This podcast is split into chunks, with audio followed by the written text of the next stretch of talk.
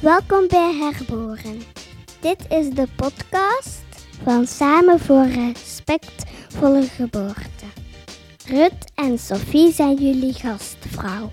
Veel plezier!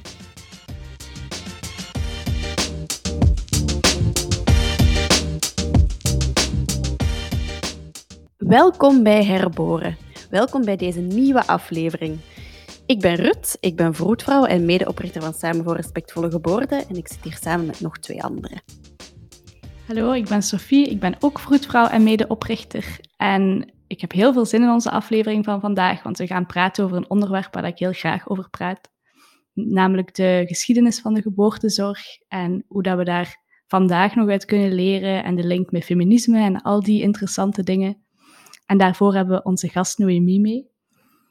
Ja, hallo, ik ben Noemi van Le Cora Maribas. Ik ben een mommy-blogger en ik schrijf daar over mijn eigen ervaringen met het moederen en ook al lang over respectvolle geboorte. En ik ben super blij om het hier vandaag met jullie over te mogen hebben. Welkom. Echt, we zijn ook super blij dat je er wilt zijn, want uh, we hebben al heel veel toffe, boeiende gesprekken gehad.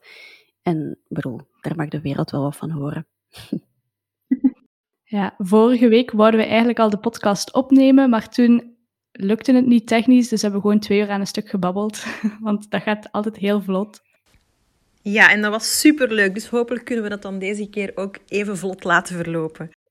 Voordat we de geschiedenis induiken, Noemi, ben ik zo nog benieuwd of dat er voor u een moment is geweest um, waarop dat je op een andere manier bent beginnen kijken naar alles dat over geboorte en bevallingen en zo te maken heeft. Dat je op een bepaalde manier uh, bent herboren daarin. Ja, ik moet daarvoor even terug naar mijn eigen geschiedenis. Um, ik zat in eerste kan geschiedenis in het jaar des heren 2001. En ik had toen ontzettend moeilijk. Ik had ook al een paar moeilijke jaren achter de rug. Dat was echt een, een donkere fase in mijn leven. En ja, ik had heel veel existentiële vragen. En dat eerste jaar geschiedenis, die vakken die we daar ook kregen, dat sprak op geen enkele manier tot mijn verbeelding of tot de vragen die ik had. En ik dacht toen, na dat eerste jaar, waarin ik gebuist was ook, want ik had niet al mijn examens afgelegd, ik moet iets gaan doen dat dichter bij het leven staat. En dan, dan had ik zo elementair gedacht, wat staat er dichter bij het leven? Vroedkunde. Voilà. Dus ik heb me dan ingeschreven in het eerste jaar vroedkunde. En ik heb dat gevolgd. Ik heb, ik heb, ik heb, um, ik heb stages gedaan, ik heb bevallingen gezien, ik heb, uh, ik heb mijn examens afgelegd. Maar dat was helemaal niks voor mij. Ik ben een mega nerd. Ik moet dat gewoon toegeven aan mezelf. Ik moet de dingen onderzoeken. Ik moet, ze, ik moet ze niet per se op die manier doen. Maar ik heb wel ontzettend veel geleerd van dat eerste jaar. En ik weet nog, op mijn allereerste stage, dat was in een regionaal ziekenhuis. Dat was, we stonden toen op materniteit. En op een gegeven moment werd er gezegd, dat er moet iemand hier mee naar een bevalling. Het was eigenlijk niet de bedoeling dat wij op verloskamer kwamen, maar ja, er, er, werd een kindje geboren en in die tijd moest je dat dan gaan opvangen, want het was toen, geen, was toen nog geen sprake van skinnen of, of meteen borst, aan, de borst leggen. En dus wij moesten dat kindje gaan halen en ik ga dat beeld nooit vergeten. Dus wij kwamen in die verloskamer binnen, net op het moment dat die kleine geboren werd. En dat was ja, een, een typische verloskamer zoals je ze in de films ziet. Zo heel steriel, stonden heel veel mensen, stond zo'n grote gynaecologische stoel in het midden. Dat kind wordt geboren, er wordt onmiddellijk gefeliciteerd met de spontane bevalling. En het ging, het ging allemaal ontzettend snel, want ik, ja, ik wist ook niet gewoon wat ik nou moest verwachten. En dus wij moesten dat kindje meenemen en in een aparte ruimte werd dat dan gewogen, gewassen, aangekleed, gemeten. Um, maar ik wou heel graag naar die mens kijken die net bevallen was. En dus ik keek, ik keek en ik ga die blik in haar ogen van die mama, ik ga dat nooit vergeten dat was een...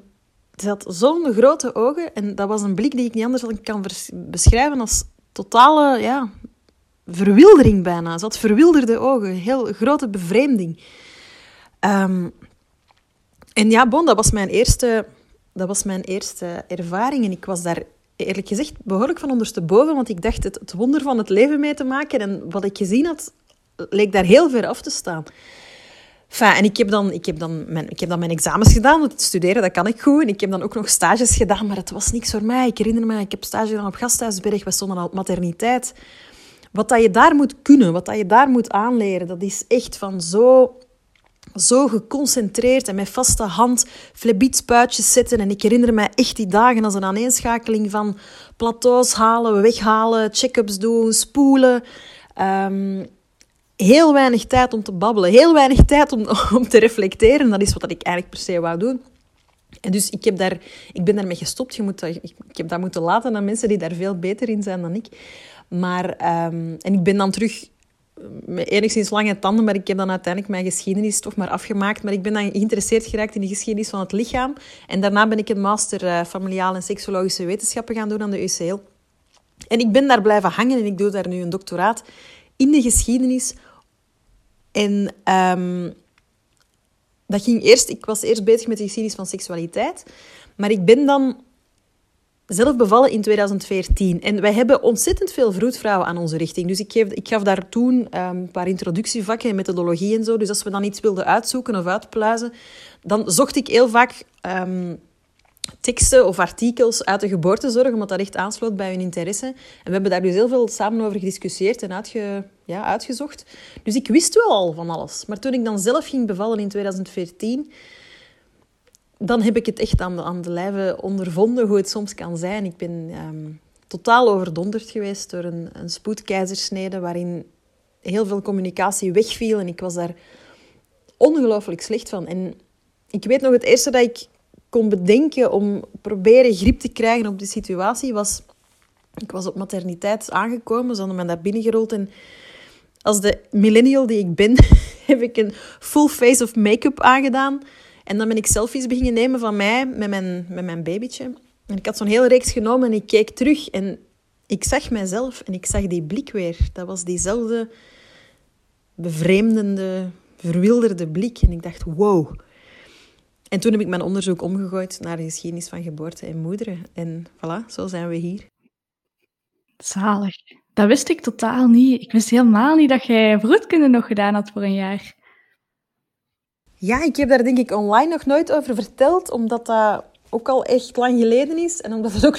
Het is niet zo'n geweldig verhaal, hè. Ik was, er, ik was er echt niet goed in, maar ik wil het wel absoluut vertellen, omdat ik dus echt wel ook gezien heb hoezeer um, verpleegkunde of verloskunde, hoezeer dat, dat een métier is waarvoor dat je ontzettend hard moet studeren en dus ook ontzettend goed je, je, eh, ja, je, uw, vak beheersen. Als ik, als ik me dat herinner, ik heb absoluut niet de doortastendheid of de koelbloedigheid, maar dat is het verkeerde woord, want je moet, je moet, je moet warmhartig zijn. Maar ik, ik had geen vaste hand om flebitspuitjes te zetten. Ik ben niet iemand die in, um, denk ik, in situaties waarbij je aan ontzettend veel verschillende dingen moet denken, dat je moet goed in, in houden van hoeveel, hoeveel uh, milliliter dat je optrekt van bepaalde stoffen, dat je tegelijkertijd mensen moet geruststellen, dat je tegelijkertijd administratief moet bezig zijn, dat je tegelijkertijd met het eten moet rondgaan. Enfin, wat dat er daar allemaal moest, ik, ben daar, ik heb daar denk ik te veel ADHD voor. Ik moet het echt eerder uitpluizen. En ik ben heel blij, ik ben nog altijd omringd door vroedvrouw en omringd door dit thema, dus voor mij komt het wel heel mooi samen dat ik dit nu op deze manier kan doen. Nee, prima. Echt zalig. Ik vind het vooral fascinerend dat je je weg zo hebt gevonden. Dat je dat, je dat niet hebt achtergelaten, dat, dat, die fascinatie en die interesse, omdat vroedkunde niet werkte, maar dat je wel op een andere manier je weg hebt gevonden. Dat vind ik wel heel tof. Ja, dat is. En ik denk ook, het is ook een... Um, het is, maar het is voor mij ook echt een, een, een reflectie van de fase waarin ik toen in zat. Ik had toen echt hele grote existentiële vragen. Want ik wil ook niet zeggen dat er iets mis is met de studie geschiedenis. Dus het is, is misschien vandaag al helemaal anders. Ik zag mij gewoon toen zitten in die, in die tussen al die, al die verstofte boeken. En ik dacht, ah, ik wil dit niet doen. Ik moet iets doen dat meer naar, naar, naar de fond gaat van de zaak. En ik ben blij dat ik toen, dat ik, toen uh, dat ik ervan heb kunnen proeven. Ik ben ook nog altijd heel blij voor alle vroedvrouwen in mijn leven. En dat ik die kant wel eens heb kunnen zien. En dat het, ja, het, ik had het er talent niet voor. Het was, het was niet voor mij, maar ik heb het wel voldoende kunnen bekijken om te zien dat het verdomd heavy is. Ja, klopt.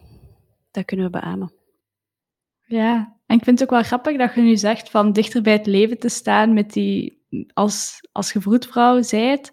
Want ik was dit weekend bij een geboorte en ik was er nog over aan het nadenken dat ik dat wel altijd heel leuk vind om daarbij te kunnen zijn, omdat mij dat zo terug naar de essentie brengt of zo. Dat helpt mij zo om met, je voeten op de grond te blijven staan op een bepaalde manier, terwijl het ook zo'n zoiets blijft altijd zoiets raar dat er zo'n baby uitkomt. En, en dat blijft altijd een beetje gek. Maar tegelijkertijd helpt me dat ook om zo terug gewoon te gaan naar ah ja, waar het over gaat. Zo terug naar de kern te gaan.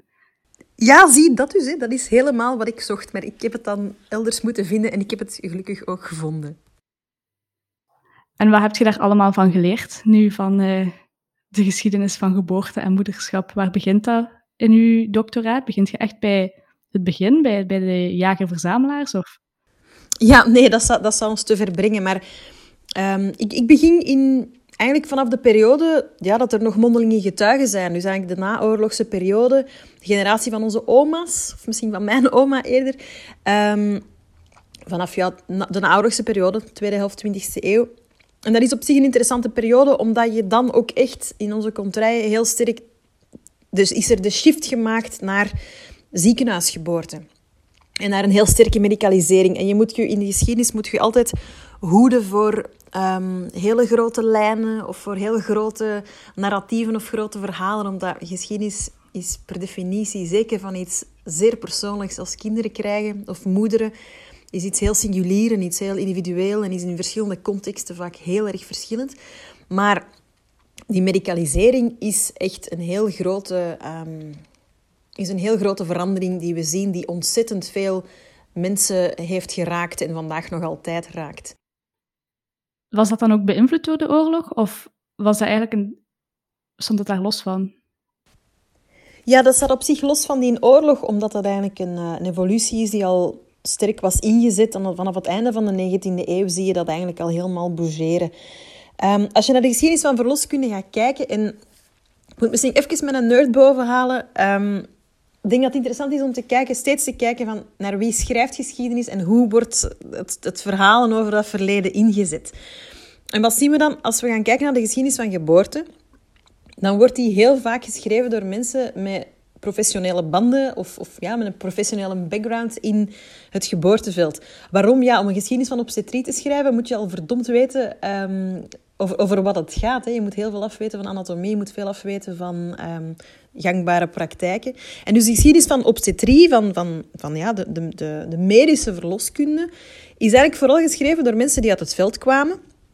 En dat is een geschiedenis die we in als je, er is zo'n term voor in de geschiedenis van de wetenschap, die wordt Whiggish genoemd.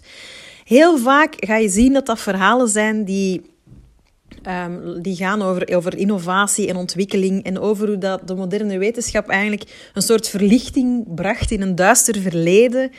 Um, en dat dus de nieuwe ontwikkelingen en de nieuwe technieken er altijd maar voor zorgen dat de morbiditeit en de mortaliteit verder zou dalen dat geboortes steeds beter en veiliger werden. Dus dat is, dat is, dat is dat verhaal. Een heel positief verhaal met eigenlijk een stijgende lijn. We gaan altijd maar naar beter. Een andere traditie, of als je dat zo mag noemen, een traditie in de geschiedenis van verloskunde, die wordt geschreven vanuit vroedvrouwenhoek en dat is, die is heel wat minder rooskleurig. Want daar lees je eigenlijk het verhaal van de teleurgang van de vroedvrouw um, en de belangrijke rol die zij had in de samenleving. Hoe dat zij steeds verder terrein heeft verloren aan die medische wetenschap. Je moet weten, in, in, de, in de middeleeuwen, moderne tijd, de, de vroedvrouw was een heel belangrijk figuur in de samenleving. Wat dat zij deed, werd beschouwd als een belangrijke... Um, een belangrijke vrouwelijke ambacht, zal ik niet zeggen, maar een heel belangrijke vaardigheid. Zij werd ook gezien als een, ja, als, als een expert op, op, op haar manier. Zij um, moest waken over het overleven natuurlijk van de volgende generatie, maar bijvoorbeeld ook in rechtszaken werd zij ingeroepen als ze bijvoorbeeld een kindje, als een vondeling was gevonden of, uh, of, of, er was een infanticide gebeurd of ook in een kerkelijke rechtbank werd zij soms gevraagd om maagdenverliezen vast te stellen. En zij had dus een vrij onafhankelijke rol in die samenleving. Um, en net omdat zij die, um, die, die als, als vrouw dus eigenlijk een zeer zelfstandige rol had in een steeds patriarchaler wordende samenleving, werd zij bijvoorbeeld ook um, het, het, het mikpunt van heksenvervolging, de 15e en 16e eeuw, werden vroedvrouwen daar bijvoorbeeld ook in geviseerd. Um, maar niet tegenstaande beleven zij eigenlijk in de 17e eeuw, beleeft de, vroedvrouw, beleeft de vroedvrouw eigenlijk haar gouden eeuw. Dat is een periode van echt professionalisering, dat je een opleiding kon volgen, volgen dat je een beëdigde rol had. Maar die duurt niet lang, want aan het einde van de 17e eeuw gaan de mannelijke artsen zich interesseren in verloskunde als gebied. Dus de, de chirurgijnen of de zogenaamde vroedmeesters, die gaan zich eigenlijk injecteren in dat veld. Zij komen dan ook met instrumenten af en zij zeggen dan dat zij degene zijn die die mogen gebruiken. Dus er komt meteen een hiërarchie in het geboorteveld. De instrumenten zijn voor de mannelijke artsen en de rest is dan uh, de, de, de normale, tussen aanhalingstekens, geboorte zijn dan voor de vroedvrouwen. En die verliezen dus stelselmatig terrein. Niet alleen in de, um, de handelingen die zij mogen verrichten. Want dus de, de, de, meest, de meer pathologische gevallen of de, de situaties waarin er meer moet inge, moest ingegrepen worden, werd dan automatisch voor de, de vroedmeester. Maar bijvoorbeeld ook de vroedvrouw had ook best een spirituele rol, hè, want er moest steeds gewaakt worden over de ziel van het, het kind dat stond geboren te worden. Maar door de komst van katholieke artsen verloor zij die rol dus ook meer en meer. En als je dan gaat kijken vanaf de 20e eeuw, komt er echt een, een stevige concurrentie in die zin dat de rijke dames um, naar een mannelijke arts beginnen te gaan. En dat er meer en meer die beweging komt en dat de vroedvrouwen ja, zich dan moeten bezighouden met de, um, de arme vrouwen op het platteland die geen arts of geen vervoer naar een arts zich konden veroorloven. Um, en dan later heb je niet alleen een dalend geboortecijfer, dat ervoor zorgt dat de concurrentie op scherp komt te staan, maar ook echt die beweging, die culturele beweging naar het ziekenhuis. En vandaag de dag ja, blijft, dat, blijft dat spanningsveld dus eigenlijk bestaan. Maar alleen, weet je wat mij nu opvalt? Dat um, rijke vrouwen die dan voor artsen kozen, het geld hadden om die te betalen, arme vrouwen dan voor een vroedvrouw kozen, want ze hadden geen geld, dat dat een dynamiek is die, die ik eigenlijk vandaag nog altijd zie. De gigantische kloof tussen wat een arts verdient en wat een vroedvrouw verdient, is er nog altijd. Niet omdat de arme vrouwen naar de vroedvrouwen gaan en de rijke vrouwen naar de artsen, maar uw, hetgene wat het u, u geeft in uw beroep, uw, uw beroepsopbrengst, is nog altijd zo, zo verschillend. Ja, dat heeft veel te maken met die vraag over waar de bevoegdheden liggen. Hè. Daar gaat het eigenlijk heel vaak over. Dat is ook wettelijk vastgelegd. En daar, dat heeft ook een hele, een hele geschiedenis van waar de bevoegdheden van de vroedvrouw liggen ten opzichte van de arts. En die, zijn, die verschillen ook per context. Je ziet dat die bijvoorbeeld in België anders liggen dan bijvoorbeeld in UK of Nederland. Die, die opleiding, die zeggen, die, de opleiding verschilt daar ook. En wat dat, wat dat, um, wat dat de... Ja, de de rol is van vroedvrouwen ten opzichte van artsen kan, kan, kan stevig verschillen. En heel vaak gaat het, wordt het debat daar altijd terugheen bewogen. Hè? Naar dus die, de verhouding tussen vroedvrouwen en artsen. Elke keer als het over geboorte gaat, dan lijken we daar terug toe te belanden. Nu, um, ik moet er wel even bij zeggen dat in de steden waren er oefenziekenhuizen. En dat is waar de arme vrouwen naartoe gingen. En dat is de arme zwangeren naartoe gingen. En dat is niet per se een plek waar je beter af was, want vaak was het daar erg onhygiënisch en heerste daar erg veel kraamkoorts, omdat men nog niet wist hoe dat, hoe dat infecties werden doorgegeven. En was je dus ja, vaak beter af om, om thuis te bevallen met je vroedvrouw. Er was ook een ander gebruik, namelijk dat van de bakers of de achterwaarsters. Vandaag de dag zou je misschien zeggen dat dat de doulas zijn. Dat waren mensen in de lokale gemeenschap die geen medische opleiding hadden gehad en die dus ook vaak werden weggezet als ja, hardhandige, domme matronen. Op een gegeven moment worden zij er ook uitgeschreven en krijgen de vroedvrouwen als enige die bevoegdheid. Maar het was dus heel duidelijk dat het beste dat je kon krijgen, dat werd meer en meer naar voren gebracht, dat was een mannelijke arts. Van die bakers had ik onlangs iets gelezen in een Zeeuws tijdschrift van nu. Dat ging over de geschiedenis van Zeeland uh, en de bakers die zoveel jaar geleden, honderd jaar geleden of zo, denk ik, dat dan gevierd werd, zo'n belangrijke rol nog hadden. Maar het was echt geschreven vanuit het perspectief van, die hadden totaal geen kennis en gelukkig zijn die er niet meer, want dat was super onveilig. Ik vond dat heel opvallend om dat te lezen, dat artikeltje. Ja, dat is, dat is zeker hoe dat zij gezien werden. Hè. Zij waren, ja, bakers waren, waren gewoon vaak oudere vrouwen uit de, uit de kleine gemeenschap die als ervaring hadden dat ze zelf al vaak bevallen waren of, of, en of andere, veel andere vrouwen hadden zien bevallen. En dat was, ja, dat was een soort van kunde die van generatie op generatie werd doorgegeven, maar ze hadden dus geen medische scholing. En effectief, als er grote problemen waren, dan moest er een arts of een vroedvrouw komen. Maar we bespreken natuurlijk uit een periode dat mensen vaak dat, dat mensen, mensen leven, hebben heel lang in een agrarische samenleving geleefd, waar dat er ook geen telefoon was. Ook niet. Als je in de stad in een industriële samenleving leefde, was er ook geen telefoon. Dus je moest er wel, als je er snel moest bij zijn, ja, dan kon een bakker het, het, het, niet voor je oplossen. Maar wat dat wel heel duidelijk is, is dat die, dat die bakers, dat dat, dat dat de periode is waarin dat je in je eigen gemeenschap in een sociale kring bevalt. En als je dan de beweging ziet in die 20e eeuw, zeker vanaf de jaren 40, dus al van, van voor de oorlog wordt dat echt al ingezet, richting het ziekenhuis, waar dat we het gewoon worden om ja, je desocialiseert en alleen te gaan bevallen, want mannen blijven buiten staan en je brengt je familie ook niet meer mee, in een ruimte met eigenlijk alleen maar onbekende professionals.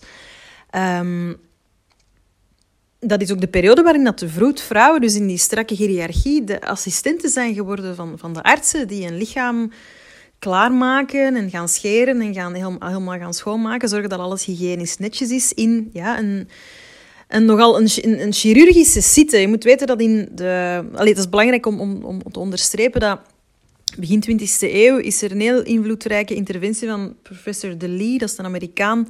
En dat is heel sterk doorgetrikkeld naar andere uh, contexten. En waarin dat de uitdrijvingsfase, dus de persfase, dat die echt gepathologiseerd werd en gezien werd als um, het probleem. En dat zowel het moederlijf als, als, als de, de foetus daar eigenlijk weinig tegen bestand waren. Dus tegen die, die tweede fase.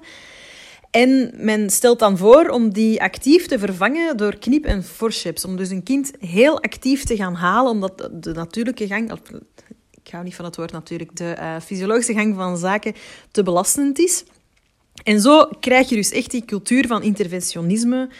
Um, een gewoonte die we vandaag echt nog, ja, we proberen daar misschien een beetje van af te komen, maar dat, dat is toen echt geïnstitutionaliseerd, waar men dus echt Um, dat de inactieve zwangere de norm wordt. Hè. Dat mensen worden soms ook vastgebonden aan een tafel. Soms ook in de jaren 40 wordt er ook met chloroform gewerkt. En hier zie je ook, en dat is eigenlijk ook een belangrijke als we naar de geschiedenis gaan kijken heel belangrijke actoren daarin zijn ook de objecten, of de non-humans, de niet-menselijke objecten, die gaan een erg belangrijke rol spelen. Die bepalen uw ruimte. Uw bevallingen worden bepaald door uw ruimte en, en wie, op, op, wie, op, wiens, um, op wiens leest dat die geschoeid is. Hè. Dus heel vaak is dat die tafel die dan handig was voor de dokter, maar niet per se voor de zwangere. Al die instrumenten liggen daar klaar, die roepen om gebruikt te worden, bij wijze van spreken. En die gaan dus echt, ja, je krijgt een soort van um, een handelen dat sterk bepaald wordt door, door de materiële omgevingen. Want ja, zo, zo werkt de mens. En daar zitten we vandaag eigenlijk nog. Dat doet mij ook echt denken aan wat er vorig jaar of zo... Vorig jaar, denk ik, in Nederland was er zo'n hele heisa rond een gynaecoloog die stelde dat vrouwen eh, door de evolutie eigenlijk minder en minder geschikt zijn om natuurlijk te bevallen en beter met een keizersnede zouden bevallen. Dat, dat is toch... Dat is nog een, ja, eigenlijk een verderdrijving van het idee van... Ja, als ik me niet vergis, was dat een gynaecoloog die um, vooral gespecialiseerd is bij bekkenbodem, in bekkenbodemproblematieken. En dat dus vooral zie bij mensen vanaf ja, een jaar of vijftig. En dat dus heel sterk ging linken aan vaginaal bevallen. En dan voorstellen van, we zouden misschien beter ter preventie daarvan meer seksioos aanbieden. Nu, ik moet zeggen, ik vond het heel tof dat er is iemand de de, de, de, de, de prevalentie van prolapsen in het voetlicht stelde. Want ik moet zeggen, ik had zelf een blaasvervlakking na mijn, na mijn, na mijn laatste bevalling. En ik, ik, ik ben dat echt moeten gaan opzoeken. En ik ben echt geen, geen, geen, geen nul over als het over bevallen gaat. Dus er wordt sowieso heel weinig over gesproken. Dus dat vond ik dan wel goed. Maar om dan meteen de link te leggen dat, we, dat, dat dat een probleem is dat we kunnen oplossen door vaginale bevallingen te vervangen door seksio's, omdat mensen hun bekken daar niet voor geschikt is, dat vind ik toch nogal vergaand. Rutte gezegd. Het is jammer dat ze het niet kunnen zien, want... Ja, ik weet het nog, dat ging ergens over... Um, in, in, in zijn interview zei hij dan van, ja, bij de mensen is er eigenlijk een ontwerpfout. En ja, het, het staat vast dat wij niet zo makkelijk bevallen als een kat, bijvoorbeeld. Maar we weten toch... Dat ging eigenlijk over het hij had het over het obstetrische dilemma, hè, waar het dan vaak over gaat. Dat de mens, omdat hij recht gaan lopen is, dat de bekken smaller werd, maar dat de hersenen wel groter werden. Dus de hoofdjes zijn groot. En dus hoe, hoe moeten die grote hoofden door dat bekken en daarom worden mensen prematuur geboren. En dus heel, die discussie gaat, gaat, echt al, gaat, gaat al lang rond. Maar er is toch ook heel wat antropologisch onderzoek dat zegt van ja, er is een heel grote variëteit in menselijke bekkens. Ehm, en ook een bekken is een, is een beweeglijk gewricht. Daar zitten wijke delen aan, waardoor dat, dat door, ook door verschillende posities in te nemen, niet er op je rug te gaan liggen, maar door op je knieën te gaan zitten, maak, maak je meer plaats in een bekken. Ik moet het u allemaal niet vertellen. Maar um, enfin, dat, zijn, dat, zijn, dat zijn zaken die heel weinig genoemd worden. En het betoog van, van die man, maar hij staat daar zeker niet alleen in, was dan van, uh, ja, we zijn er niet voor gemaakt. En ja, daar ben ik het eens mee. Ik ga er niet vanuit dat we gemaakt zijn, om to begin with. Maar hij zei dan van, ja, hij gaf het voorbeeld van een neushoorn in een zoo. En hij zei, ja, als je een neushoorn die moet bevallen in een zoo, die laat je gewoon alleen. En de volgende ochtend ligt er daar... En uh, tijdens de nacht laat je die alleen. De volgende ochtend ligt er een baby neushoorn in het stro. Maar dan denk ik, ja, maar met wat vergelijken we dan nu eigenlijk? Als je tegen de opzichter van die neushoorn zou zeggen, die al in de zoo zit, hè, dus die al ook in een, laat ons zeggen dat hij ook in een instituut zit, maar als je tegen die op, opzichter zou zeggen van ja, als uw neushoorn moet bevallen, is dat dan goed als wij het licht dan aandoen in die zijn kooi en we sturen daar dan allemaal onbekende neushoorns bij en die prikken dan een infuus en die leggen die neushoorn op haar rug en dan gaan die zeggen hoe dat die neushoorn moet persen. Um, en dan geven we misschien wijnopwekkers of zo. En dan, ja, die zo opzichter die zou zeggen, ja, geen sprake van, want dan gaat dat beest helemaal niet bevallen. Maar voor heel veel mensen is dat wel realiteit. Maar dat zijn omstandigheden die wij heel vaak niet meenemen in de discussie. Als we mensen willen beoordelen op hun vermogen om fysiologisch te bevallen, ja, dan zouden we misschien ook wel meer moeten nadenken over of dat we die fysiologie een kans geven in de omstandigheden waarin we vandaag bevallen. En ik ben hier absoluut geen pleidooi aan het voeren voor de fysiologie, want dat is voor mij ja, een abstract begrip. Ik wil ook niet zeggen dat er per se iets mis is met medicalisering, maar ik denk wel dat het essentieel is om te zeggen dat medicalisering is geen neutraal gegeven, maar dat staat werkelijk nooit ter discussie. Daar eigenlijk, daarover hebben we het eigenlijk nooit. En laat ons zeggen, de manier waarop dat wij omgaan met geboortes is de reflectie van onze samenleving vandaag, die sterk rekent op wetenschap en techniek. Ja, we zien dat heel sterk ook vandaag in, in, in COVID. Um, en wat is eigenlijk de bedoeling? Dat we zoveel mogelijk de risico's gaan managen van wat dat er gebeurt. En ja, uh, zwangerschap wordt, wordt van ouds geassocieerd met allerlei risico's. Hoewel dat we vandaag de dag, vergeleken met de periode, periodes waar we het daarnet over hadden, er is een veel hogere levensstandaard, um, er is veel betere hygiëne, er, er is antibiotica. We kunnen echo's doen om bijvoorbeeld als een baby in een gekke, een foetus in een gekke houding is gaan liggen of, of, of de toegang verspert of een voorhangende placenta. Dat kunnen we vandaag allemaal detecteren. Dat was vroeger voor die vroedvrouwen en zeker voor de bakers volstrekt onmogelijk. Uh, we kunnen zwangerschapsdiabetes detecteren of al, al choleastase, andere problemen die tot serieuze, um, tot, tot, serieuze problemen kunnen leiden. Die kunnen we, die kunnen we ontdekken. Um, maar toch, ondanks het feit dat het eigenlijk veiliger is dan ooit, beschouwen wij elke zwangere als, als, een, als een wandelend risico. En we doen dat standaard. Um, nu, het feit dat wij geboorte zien als iets op leven en dood, dat is niet nieuw. Hè? Dat is, elke samenleving heeft daar mee moeten omgaan. Ik heb het ook vaak moeilijk als, als de natuur uh, geromantiseerd naar voren wordt geschoven als het alternatief voor hoe dat we vandaag met geboorte omgaan. Met dan een verhaal van, lichaam is hiervoor gemaakt. Ja, bon, um, als je bijvoorbeeld kijkt, ik geef nu een voorbeeld uit de geschiedenis, hè, maar moet je natuurlijk alle problemen die ik net opzomde mee, die zijn op dat moment nog alive in kicking. In de 18e eeuw gingen zwangere rijke dames, lieten die portretten maken van zichzelf. Op het moment dat ze zwanger waren en begonnen zij brieven te schrijven aan hun naasten, omdat dat een moment was waarvan men echt, waar, waar, waar de dood in, in, in de lucht hing. Men ging ervan uit, op sommige momenten hebben we het over cijfers van 1 op 20 die erin bleven. Dus um, menselijke geboorte is wel geassocieerd, ik wil absoluut niet zeggen met het risico op leven en dood, maar dat is zeker wel iets dat wij cultureel meedragen. Heel sterk. En we zitten in een risicosamenleving waar wij verwachten van individuen dat zij vooral, dat hun taak als burger vooral is om risico's te beperken en te managen. En zeker vandaag, als we, erbij, als we ervan uitgaan dat er met wat dat er allemaal bestaat, beschouwen wij het idee dat er bij een geboorte iets zou misgaan als iets zonder meer grotesk. En we gaan ervan uit dat, er, dat we zoveel mogelijk moeten doen om dat te vermijden. En zo belanden we eigenlijk ja, in een soort van handelingsdwang bij alle geboortes. Zo wordt er ontzettend veel gedaan. Ook omdat ik, omdat ik als wat ik daarnet zei, dat, dat ook al het grief staat klaar, dus dan kan je het even goed gebruiken. Maar ook in termen van uh, aansprakelijkheid. Men beschouwt geboortes als, als enigszins gevaarlijk en zal dan proberen om vooral alles gedaan te hebben om problemen te vermijden. Um, ik zeg het, als het gaat over aansprakelijkheid, voor de sexo, voor de sexio um, die je niet gedaan hebt, kun je vervolgd worden. Hè. De sexio die je wel gedaan hebt, daar gaan ze, niet, daar gaan ze je um, met rust voor laten. Dus het is, zeker, het is menselijk zeker te begrijpen hoe, dat we daar, hoe dat we daar komen. Maar het is wel belangrijk, denk ik, dat, dat we moeten nadenken over... Of dat we kunnen dat gesprek voeren van... Wat wordt er vandaag allemaal gedaan? En waarom doen we dat? En ik denk dat je daar zeker ook absoluut um, de culturele of de, de, de gewoontefactor absoluut moet bijrekenen. Hè. Ik ben absoluut niet tegen medicalisering, dat lijkt mij volstrekt onzinnig. Maar ik denk wel dat het belangrijk is om medicalisering kritisch te bekijken. En wat dat wij vandaag allemaal doen in een ziekenhuis, ook al denken we dat, dat is geen gevolg van het bedrijven van exacte wetenschap, want dat is verloskunde helemaal niet. En heel veel van wat wij doen, we moeten in de ogen durven kijken dat dat niet evidence-based is, volgens de... Dan heb ik het over de wetten die de, de, medische wereld zichzelf voorschrijft.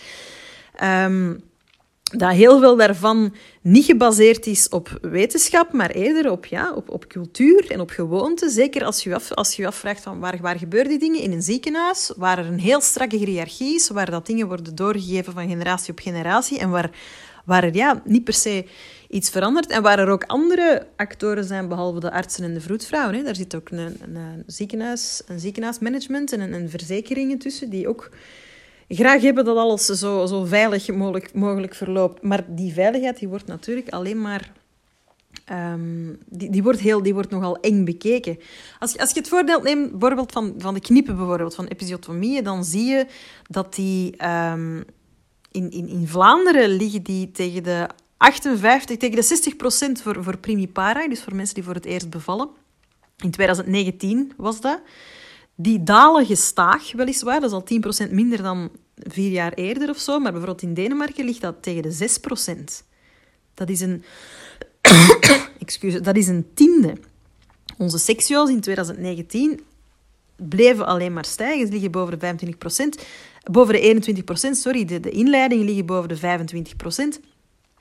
Maar dat zijn, dat zijn, dat zijn praktijken waarbij je een variëteit ziet. Dus tussen inleidingen doen, seksueel doen, knippen. Daar zie je een variëteit tussen artsen, tussen ziekenhuizen, tussen regio's. Die, die, die, die cijfers verschillen tussen Vlaanderen, Brussel en Wallonië. En ook tussen de ons omringende landen. Ik zeg het net, een heel groot verschil tussen België en Scandinavië. Maar ook Nederland, als het over knippen gaat. Frankrijk, de UK, steken wij daar met kop en schouders bovenuit. Ondanks dat al die artsen zich baseren op dezelfde internationale wetenschappelijke literatuur, want die, die is per definitie internationaal. Nu, ik maak me weinig illusies dat heel veel artsen met hun gigantische workload de tijd niet hebben om s'avonds de cijfers nog thuis te, uit te pluizen. Maar normaal gezien baseren wij wel ons wel allemaal op, op dezelfde consensus is daar niet per se over, maar op dezelfde, op dezelfde cijfers. En dus die enorme dispariteit die kan je niet alleen maar verklaren op basis van, van wetenschap. Hè. Mensen hebben hier geen andere vagina's of baarmoeders dan een paar honderd kilometer verder. En dat reflecteert dus cultuur en gewoonten van, van artsen, beroepsgroepen, um, instellingen. En dat moet in het debat. We moeten echt naast het hoera-verhaal dat enigszins op zijn plaats is. Zeker als je kijkt hoe dat mensen in, in, in, in um, in, in het globale zuiden soms nog moet bevallen. Zeker, maar we moeten ook absoluut kritisch kunnen kijken naar hoe dat we het vandaag doen, zonder altijd met een soort dédain te spreken over het verleden of met een dédain over mensen die het anders willen. Want, dat is denk, ik het belangrijkste van allemaal, ontzettend veel zwangeren willen dit niet hebben daar niet per se behoefte aan. Of hebben ergens gelezen van ja, ik niet behoefte eigenlijk niet. Waarom heb ik die dan toch gekregen? Heel veel zwangeren willen die niet. Maar toch zitten we in die, ja, een soort, een soort, een soort de generalisering van het risico eigenlijk. Tijdens mijn opleiding, als je het hebt over risicosamenleving, dan werd er ook echt gezegd van een, een bevalling, je kunt dat maar als een normale bevalling beschouwen. Een keer dat hij voorbij is, dat de placenta geboren is. En daarvoor moet je het eigenlijk als een risicobevalling zien, tot het tegendeel bewezen is? Oh, ja, vanuit aansprakelijkheidsopzicht is dat misschien een soort aanpak, omdat je dan altijd op je kivief bent en dat je dan protocollen kan volgen om altijd hetzelfde te doen. Maar er is, en dat is begrijpelijk, maar er is vanuit... Er, wordt dus wel, er wordt dus wel, er wordt dus wel um, heel veel nalig, na, rekening gehouden met de juridische kant van de zaak, maar zeer weinig met het juridische kader dat evenzeer geldt, en dat is dat van de patiëntenrechten. Er is ontzettend weinig oog voor de nevenschade van dit systeem. Dus heel vaak wordt dit alleen maar nagemeten op morbiditeitscijfers en mortaliteitscijfers. En die zijn goed bij ons, we moeten daar niet over zeveren. Die zijn, die zijn over het algemeen goed. Als je, niet, als, je, als, je, als je niet te moeilijk wil doen over hoe hoog inducties en sectio's vliegen, dan zijn die gewoon goed. Maar er is heel weinig oog voor het feit dat ontzettend veel mensen hun bevalling in deze hoogtechnologische, veilige omgeving toch als betraumatiserend en, en bevreemdend beschouwen. We hebben het over mensen die bevallen, geen baarmoeders. En dit is niet het pleidooi voor. Allee, het hoeven geen droombevallingen te zijn, maar ze moeten wel respectvol zijn. Het patiëntenrecht en het fundamentele recht op autonomie, daar gaat het ontzettend weinig over. En als je in de krant, en ik heb het al een paar keer gedaan, dus, dus ik, weet, ik weet hoe dat, debat gaat, als je dan iets durft zeggen over dat obstetrisch geweld bestaat, en dat is een stevige term, hè, dus ik, ik, ik, ik begrijp dat. Op het moment dat je, dat je, dat je, dat je een, een systeem gewelddadig noemt, ja, dan voelen mensen zich uiteraard aangesproken als ze in dat systeem werken. Maar bon, laat het ons grensoverschrijdend handelen noemen. Het moment dat je zegt dat dat gebeurt, ook in dit land, dan krijg je ontzettend veel over je heen.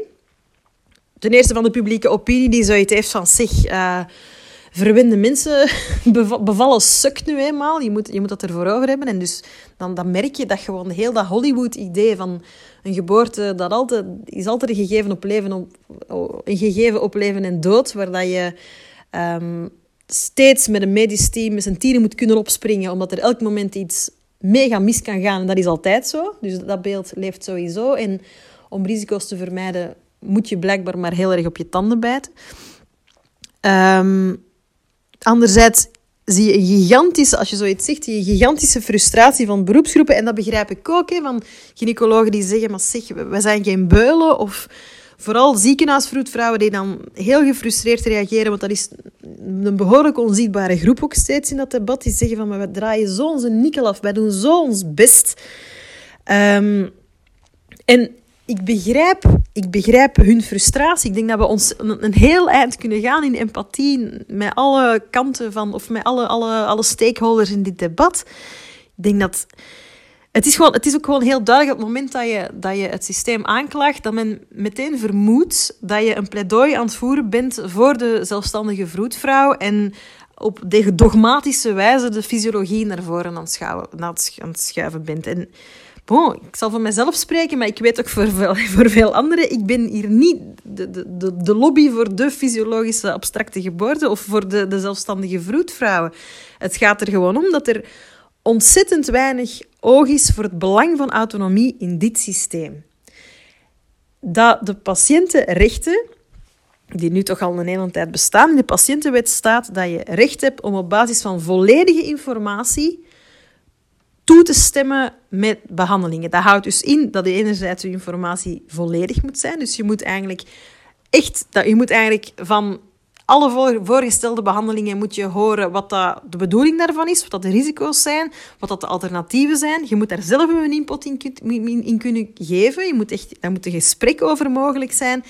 Je moet daarvoor kunnen toestemmen, maar dat impliceert ook dat je moet kunnen weigeren. En zeker voor dat weigeren ja, is er eigenlijk amper een kader. Um, en dat, is, ja, dat, dat wordt cultureel heel sterk gedragen, omdat men ervan uitgaat van zeg, de arts weet het sowieso beter, laat het allemaal maar gebeuren. Maar dat neemt niet weg dat, die, dat, die, dat we dat die patiëntenwet wel echt serieus moeten kunnen hebben. En dat zeg ik niet gewoon, maar de VN zegt dat, de, de mensenrechten zeggen dat, de Europese Commissie zegt dat. Er zit iets scheef.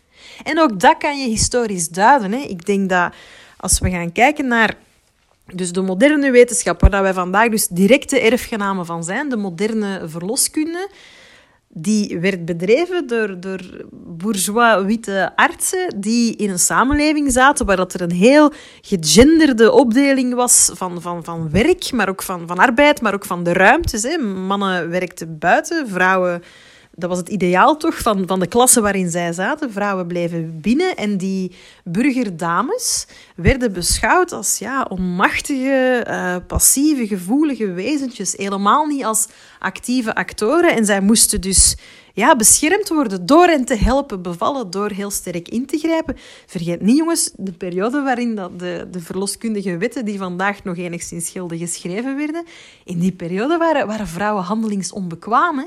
Dat waren de gehuwde vrouwen hoorden hun man toe en waren handelingsonbekwaam. Dus het is totaal een illusie om ervan uit te gaan dat dat vrouwbeeld afwezig zou zijn in, um, in het denken van die periode en dat dat niet op een of andere manier vandaag nog zou doorspelen. Um, ik denk dat we daar echt kritisch voor moeten kunnen zijn. En ik heb, dat, ik wil dat echt herhalen, ontzettend veel begrip voor hoe keihard er gewerkt wordt in de geboortezorg. Mensen rennen van verloskamer naar verloskamer. Als je naar de agenda van een gynaecoloog kijkt, wat dat die allemaal moeten doen op een week. Daar ook nog alle administratie bij, al die protocollen volgen. Um, zelfstandige vroedvrouwen ook, die toch vaak echt tegen de stroom moeten inzwemmen, die dragen dat dan weer mee. Um, dus het is, het, is, het, is, het is mega heavy. Daar, daar wil ik absoluut niks tegen inbrengen, maar dat mag geen reden zijn om niet te kunnen mogen zeggen het systeem, hoe hard er ook in gewerkt wordt, faalt soms aan de zwangere voor wie het eigenlijk zou moeten dienen. De zwangere staat niet centraal. Um, en het, wat, dat, ja, wat dat me daar altijd enigszins aan opvalt, is als je individueel met zorgverleners gaat spreken, dan zullen zij wel zeggen, ja, ik weet het wel. Want ik heb al wel gezien, of ik ben al getuige geweest van zaken die, er, ja, die misschien toch over een zekere grens gingen. Of ik heb mij soms zelf al vragen gesteld over iets dat ik gedaan heb bij een bepaalde bevalling. Maar dat wordt dan heel vaak weggeschoven met voor het grotere doel. Uh, ja, doen we dat nu eenmaal? Want we bedoelen dat dan goed en dat is niet gewelddadig bedoeld. Maar dat, toch, toch is dat een gesprek dat we moeten hebben, want het gaat hier over de fundamentele rechten van, van, van, van de mensen die aan het bevallen zijn.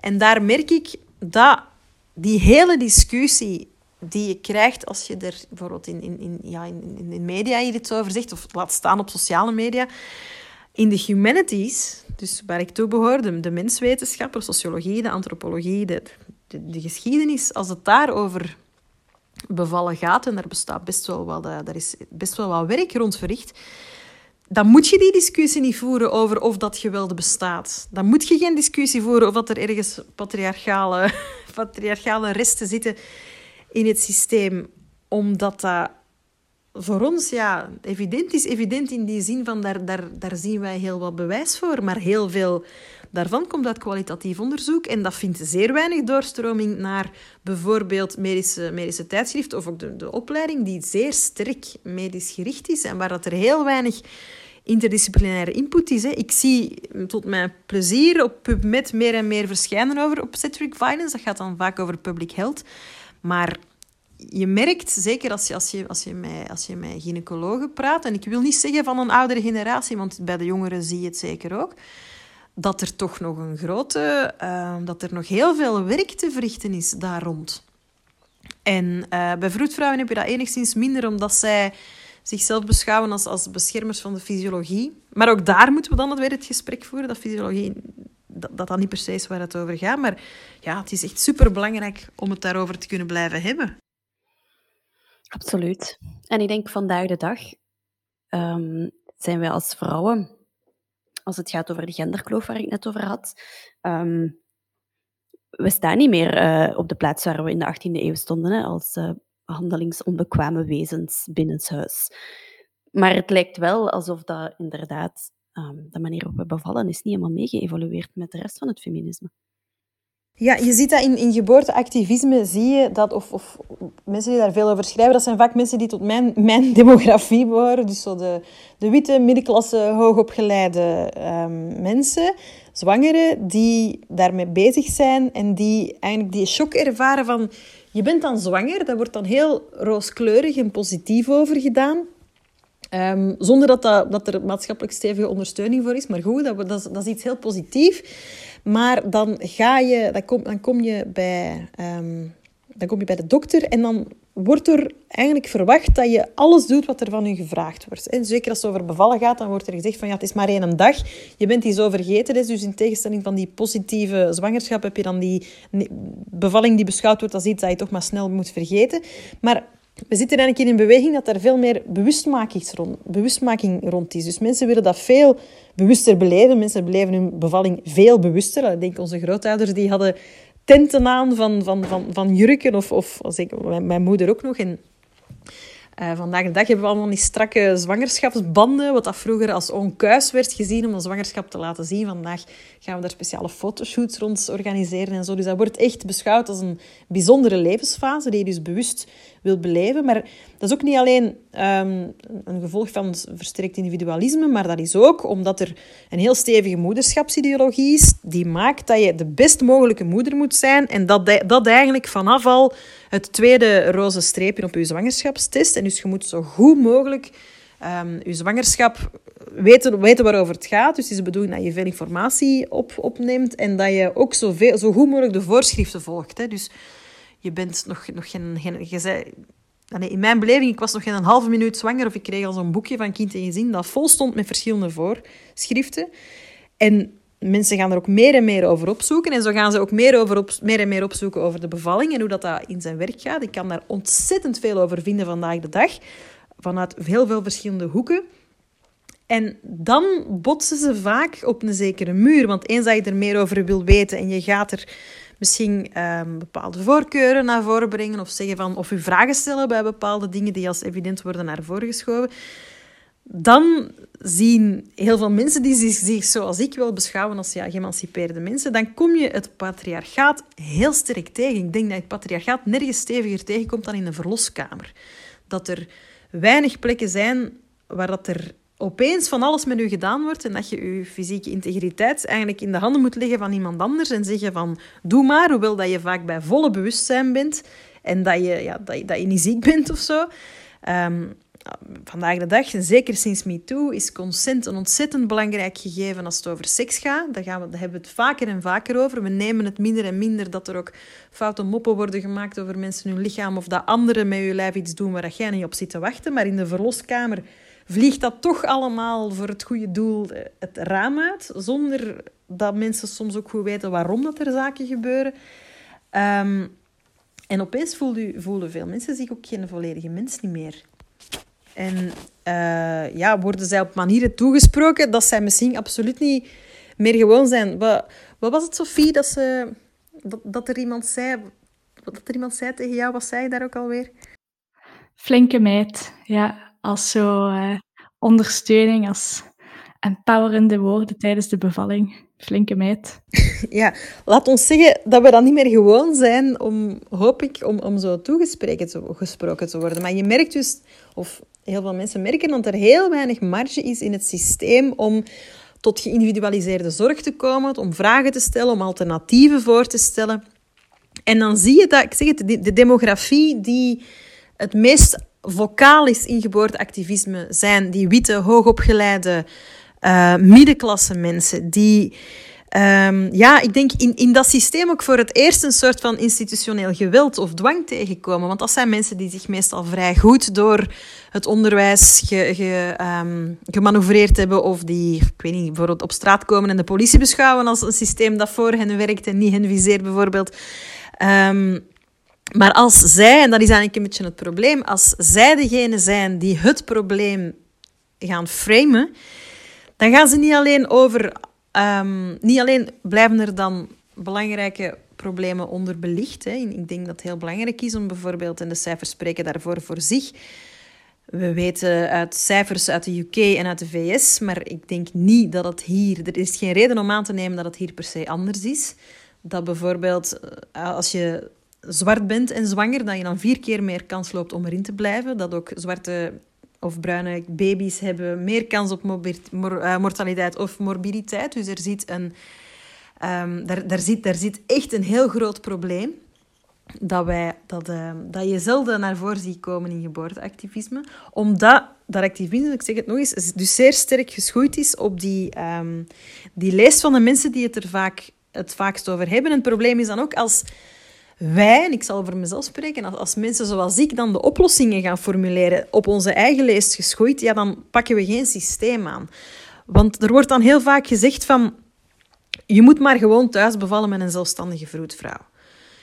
Maar de mensen die dat doen, en ik ben er absoluut niet tegen, ik heb het zelf gedaan, dus daarover gaat het niet. Maar de mensen die dat doen, zijn vaak mensen die allerlei kapitaal, financieel en ander kapitaal, in de schaal kunnen leggen om ontzettend veel opzoekingswerk te doen. Want je moet bijna een half doctoraat maken soms om, om, om je geboorteopties uit te zoeken. Um, u helemaal inschrijven in een alternatieve geboortezorg en daar dan zorg rond te zoeken. Um, en dan maar gewoon thuis bevallen. Dat is dan heel vaak het voorstel dat naar voren wordt geschoven. En de oplossing die maar naar voren wordt geschoven. Maar we moeten maar allemaal gewoon thuis bevallen. Maar dat is uiteraard niet de oplossing voor iedereen. We moeten naar een, een heel systeem bekijken. Waar zelfstandige vroedvrouwen, zeker sinds de verkorte lichtdagen, volgens mij een heel belangrijke rol in kunnen spelen. Maar er is niemand die meer baat bij heeft bij goede, respectvolle, geïndividualiseerde ziekenhuiszorg dan de mensen die graag thuis willen bevallen. Want zij zijn bij uitstek degene die, stel dat ze toch naar het ziekenhuis moeten, zij zijn bij uitstek degene die daar het meeste belang aan zullen hechten.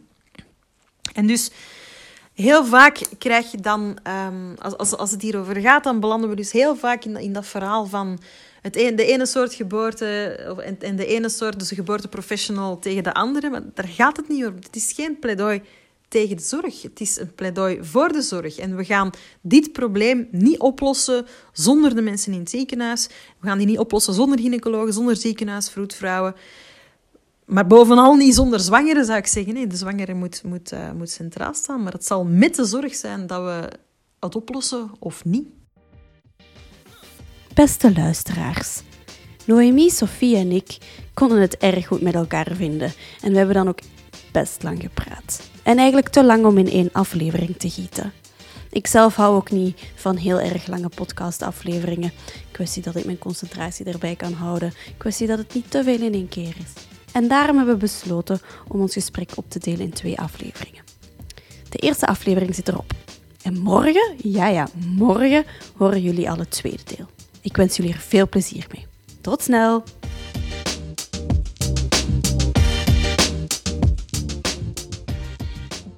Bedankt om te luisteren.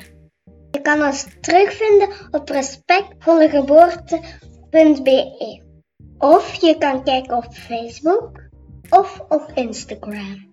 Je kan ons ook een mailtje sturen. Dat kan op samen respectvollegeboorte.be. Tot de volgende keer.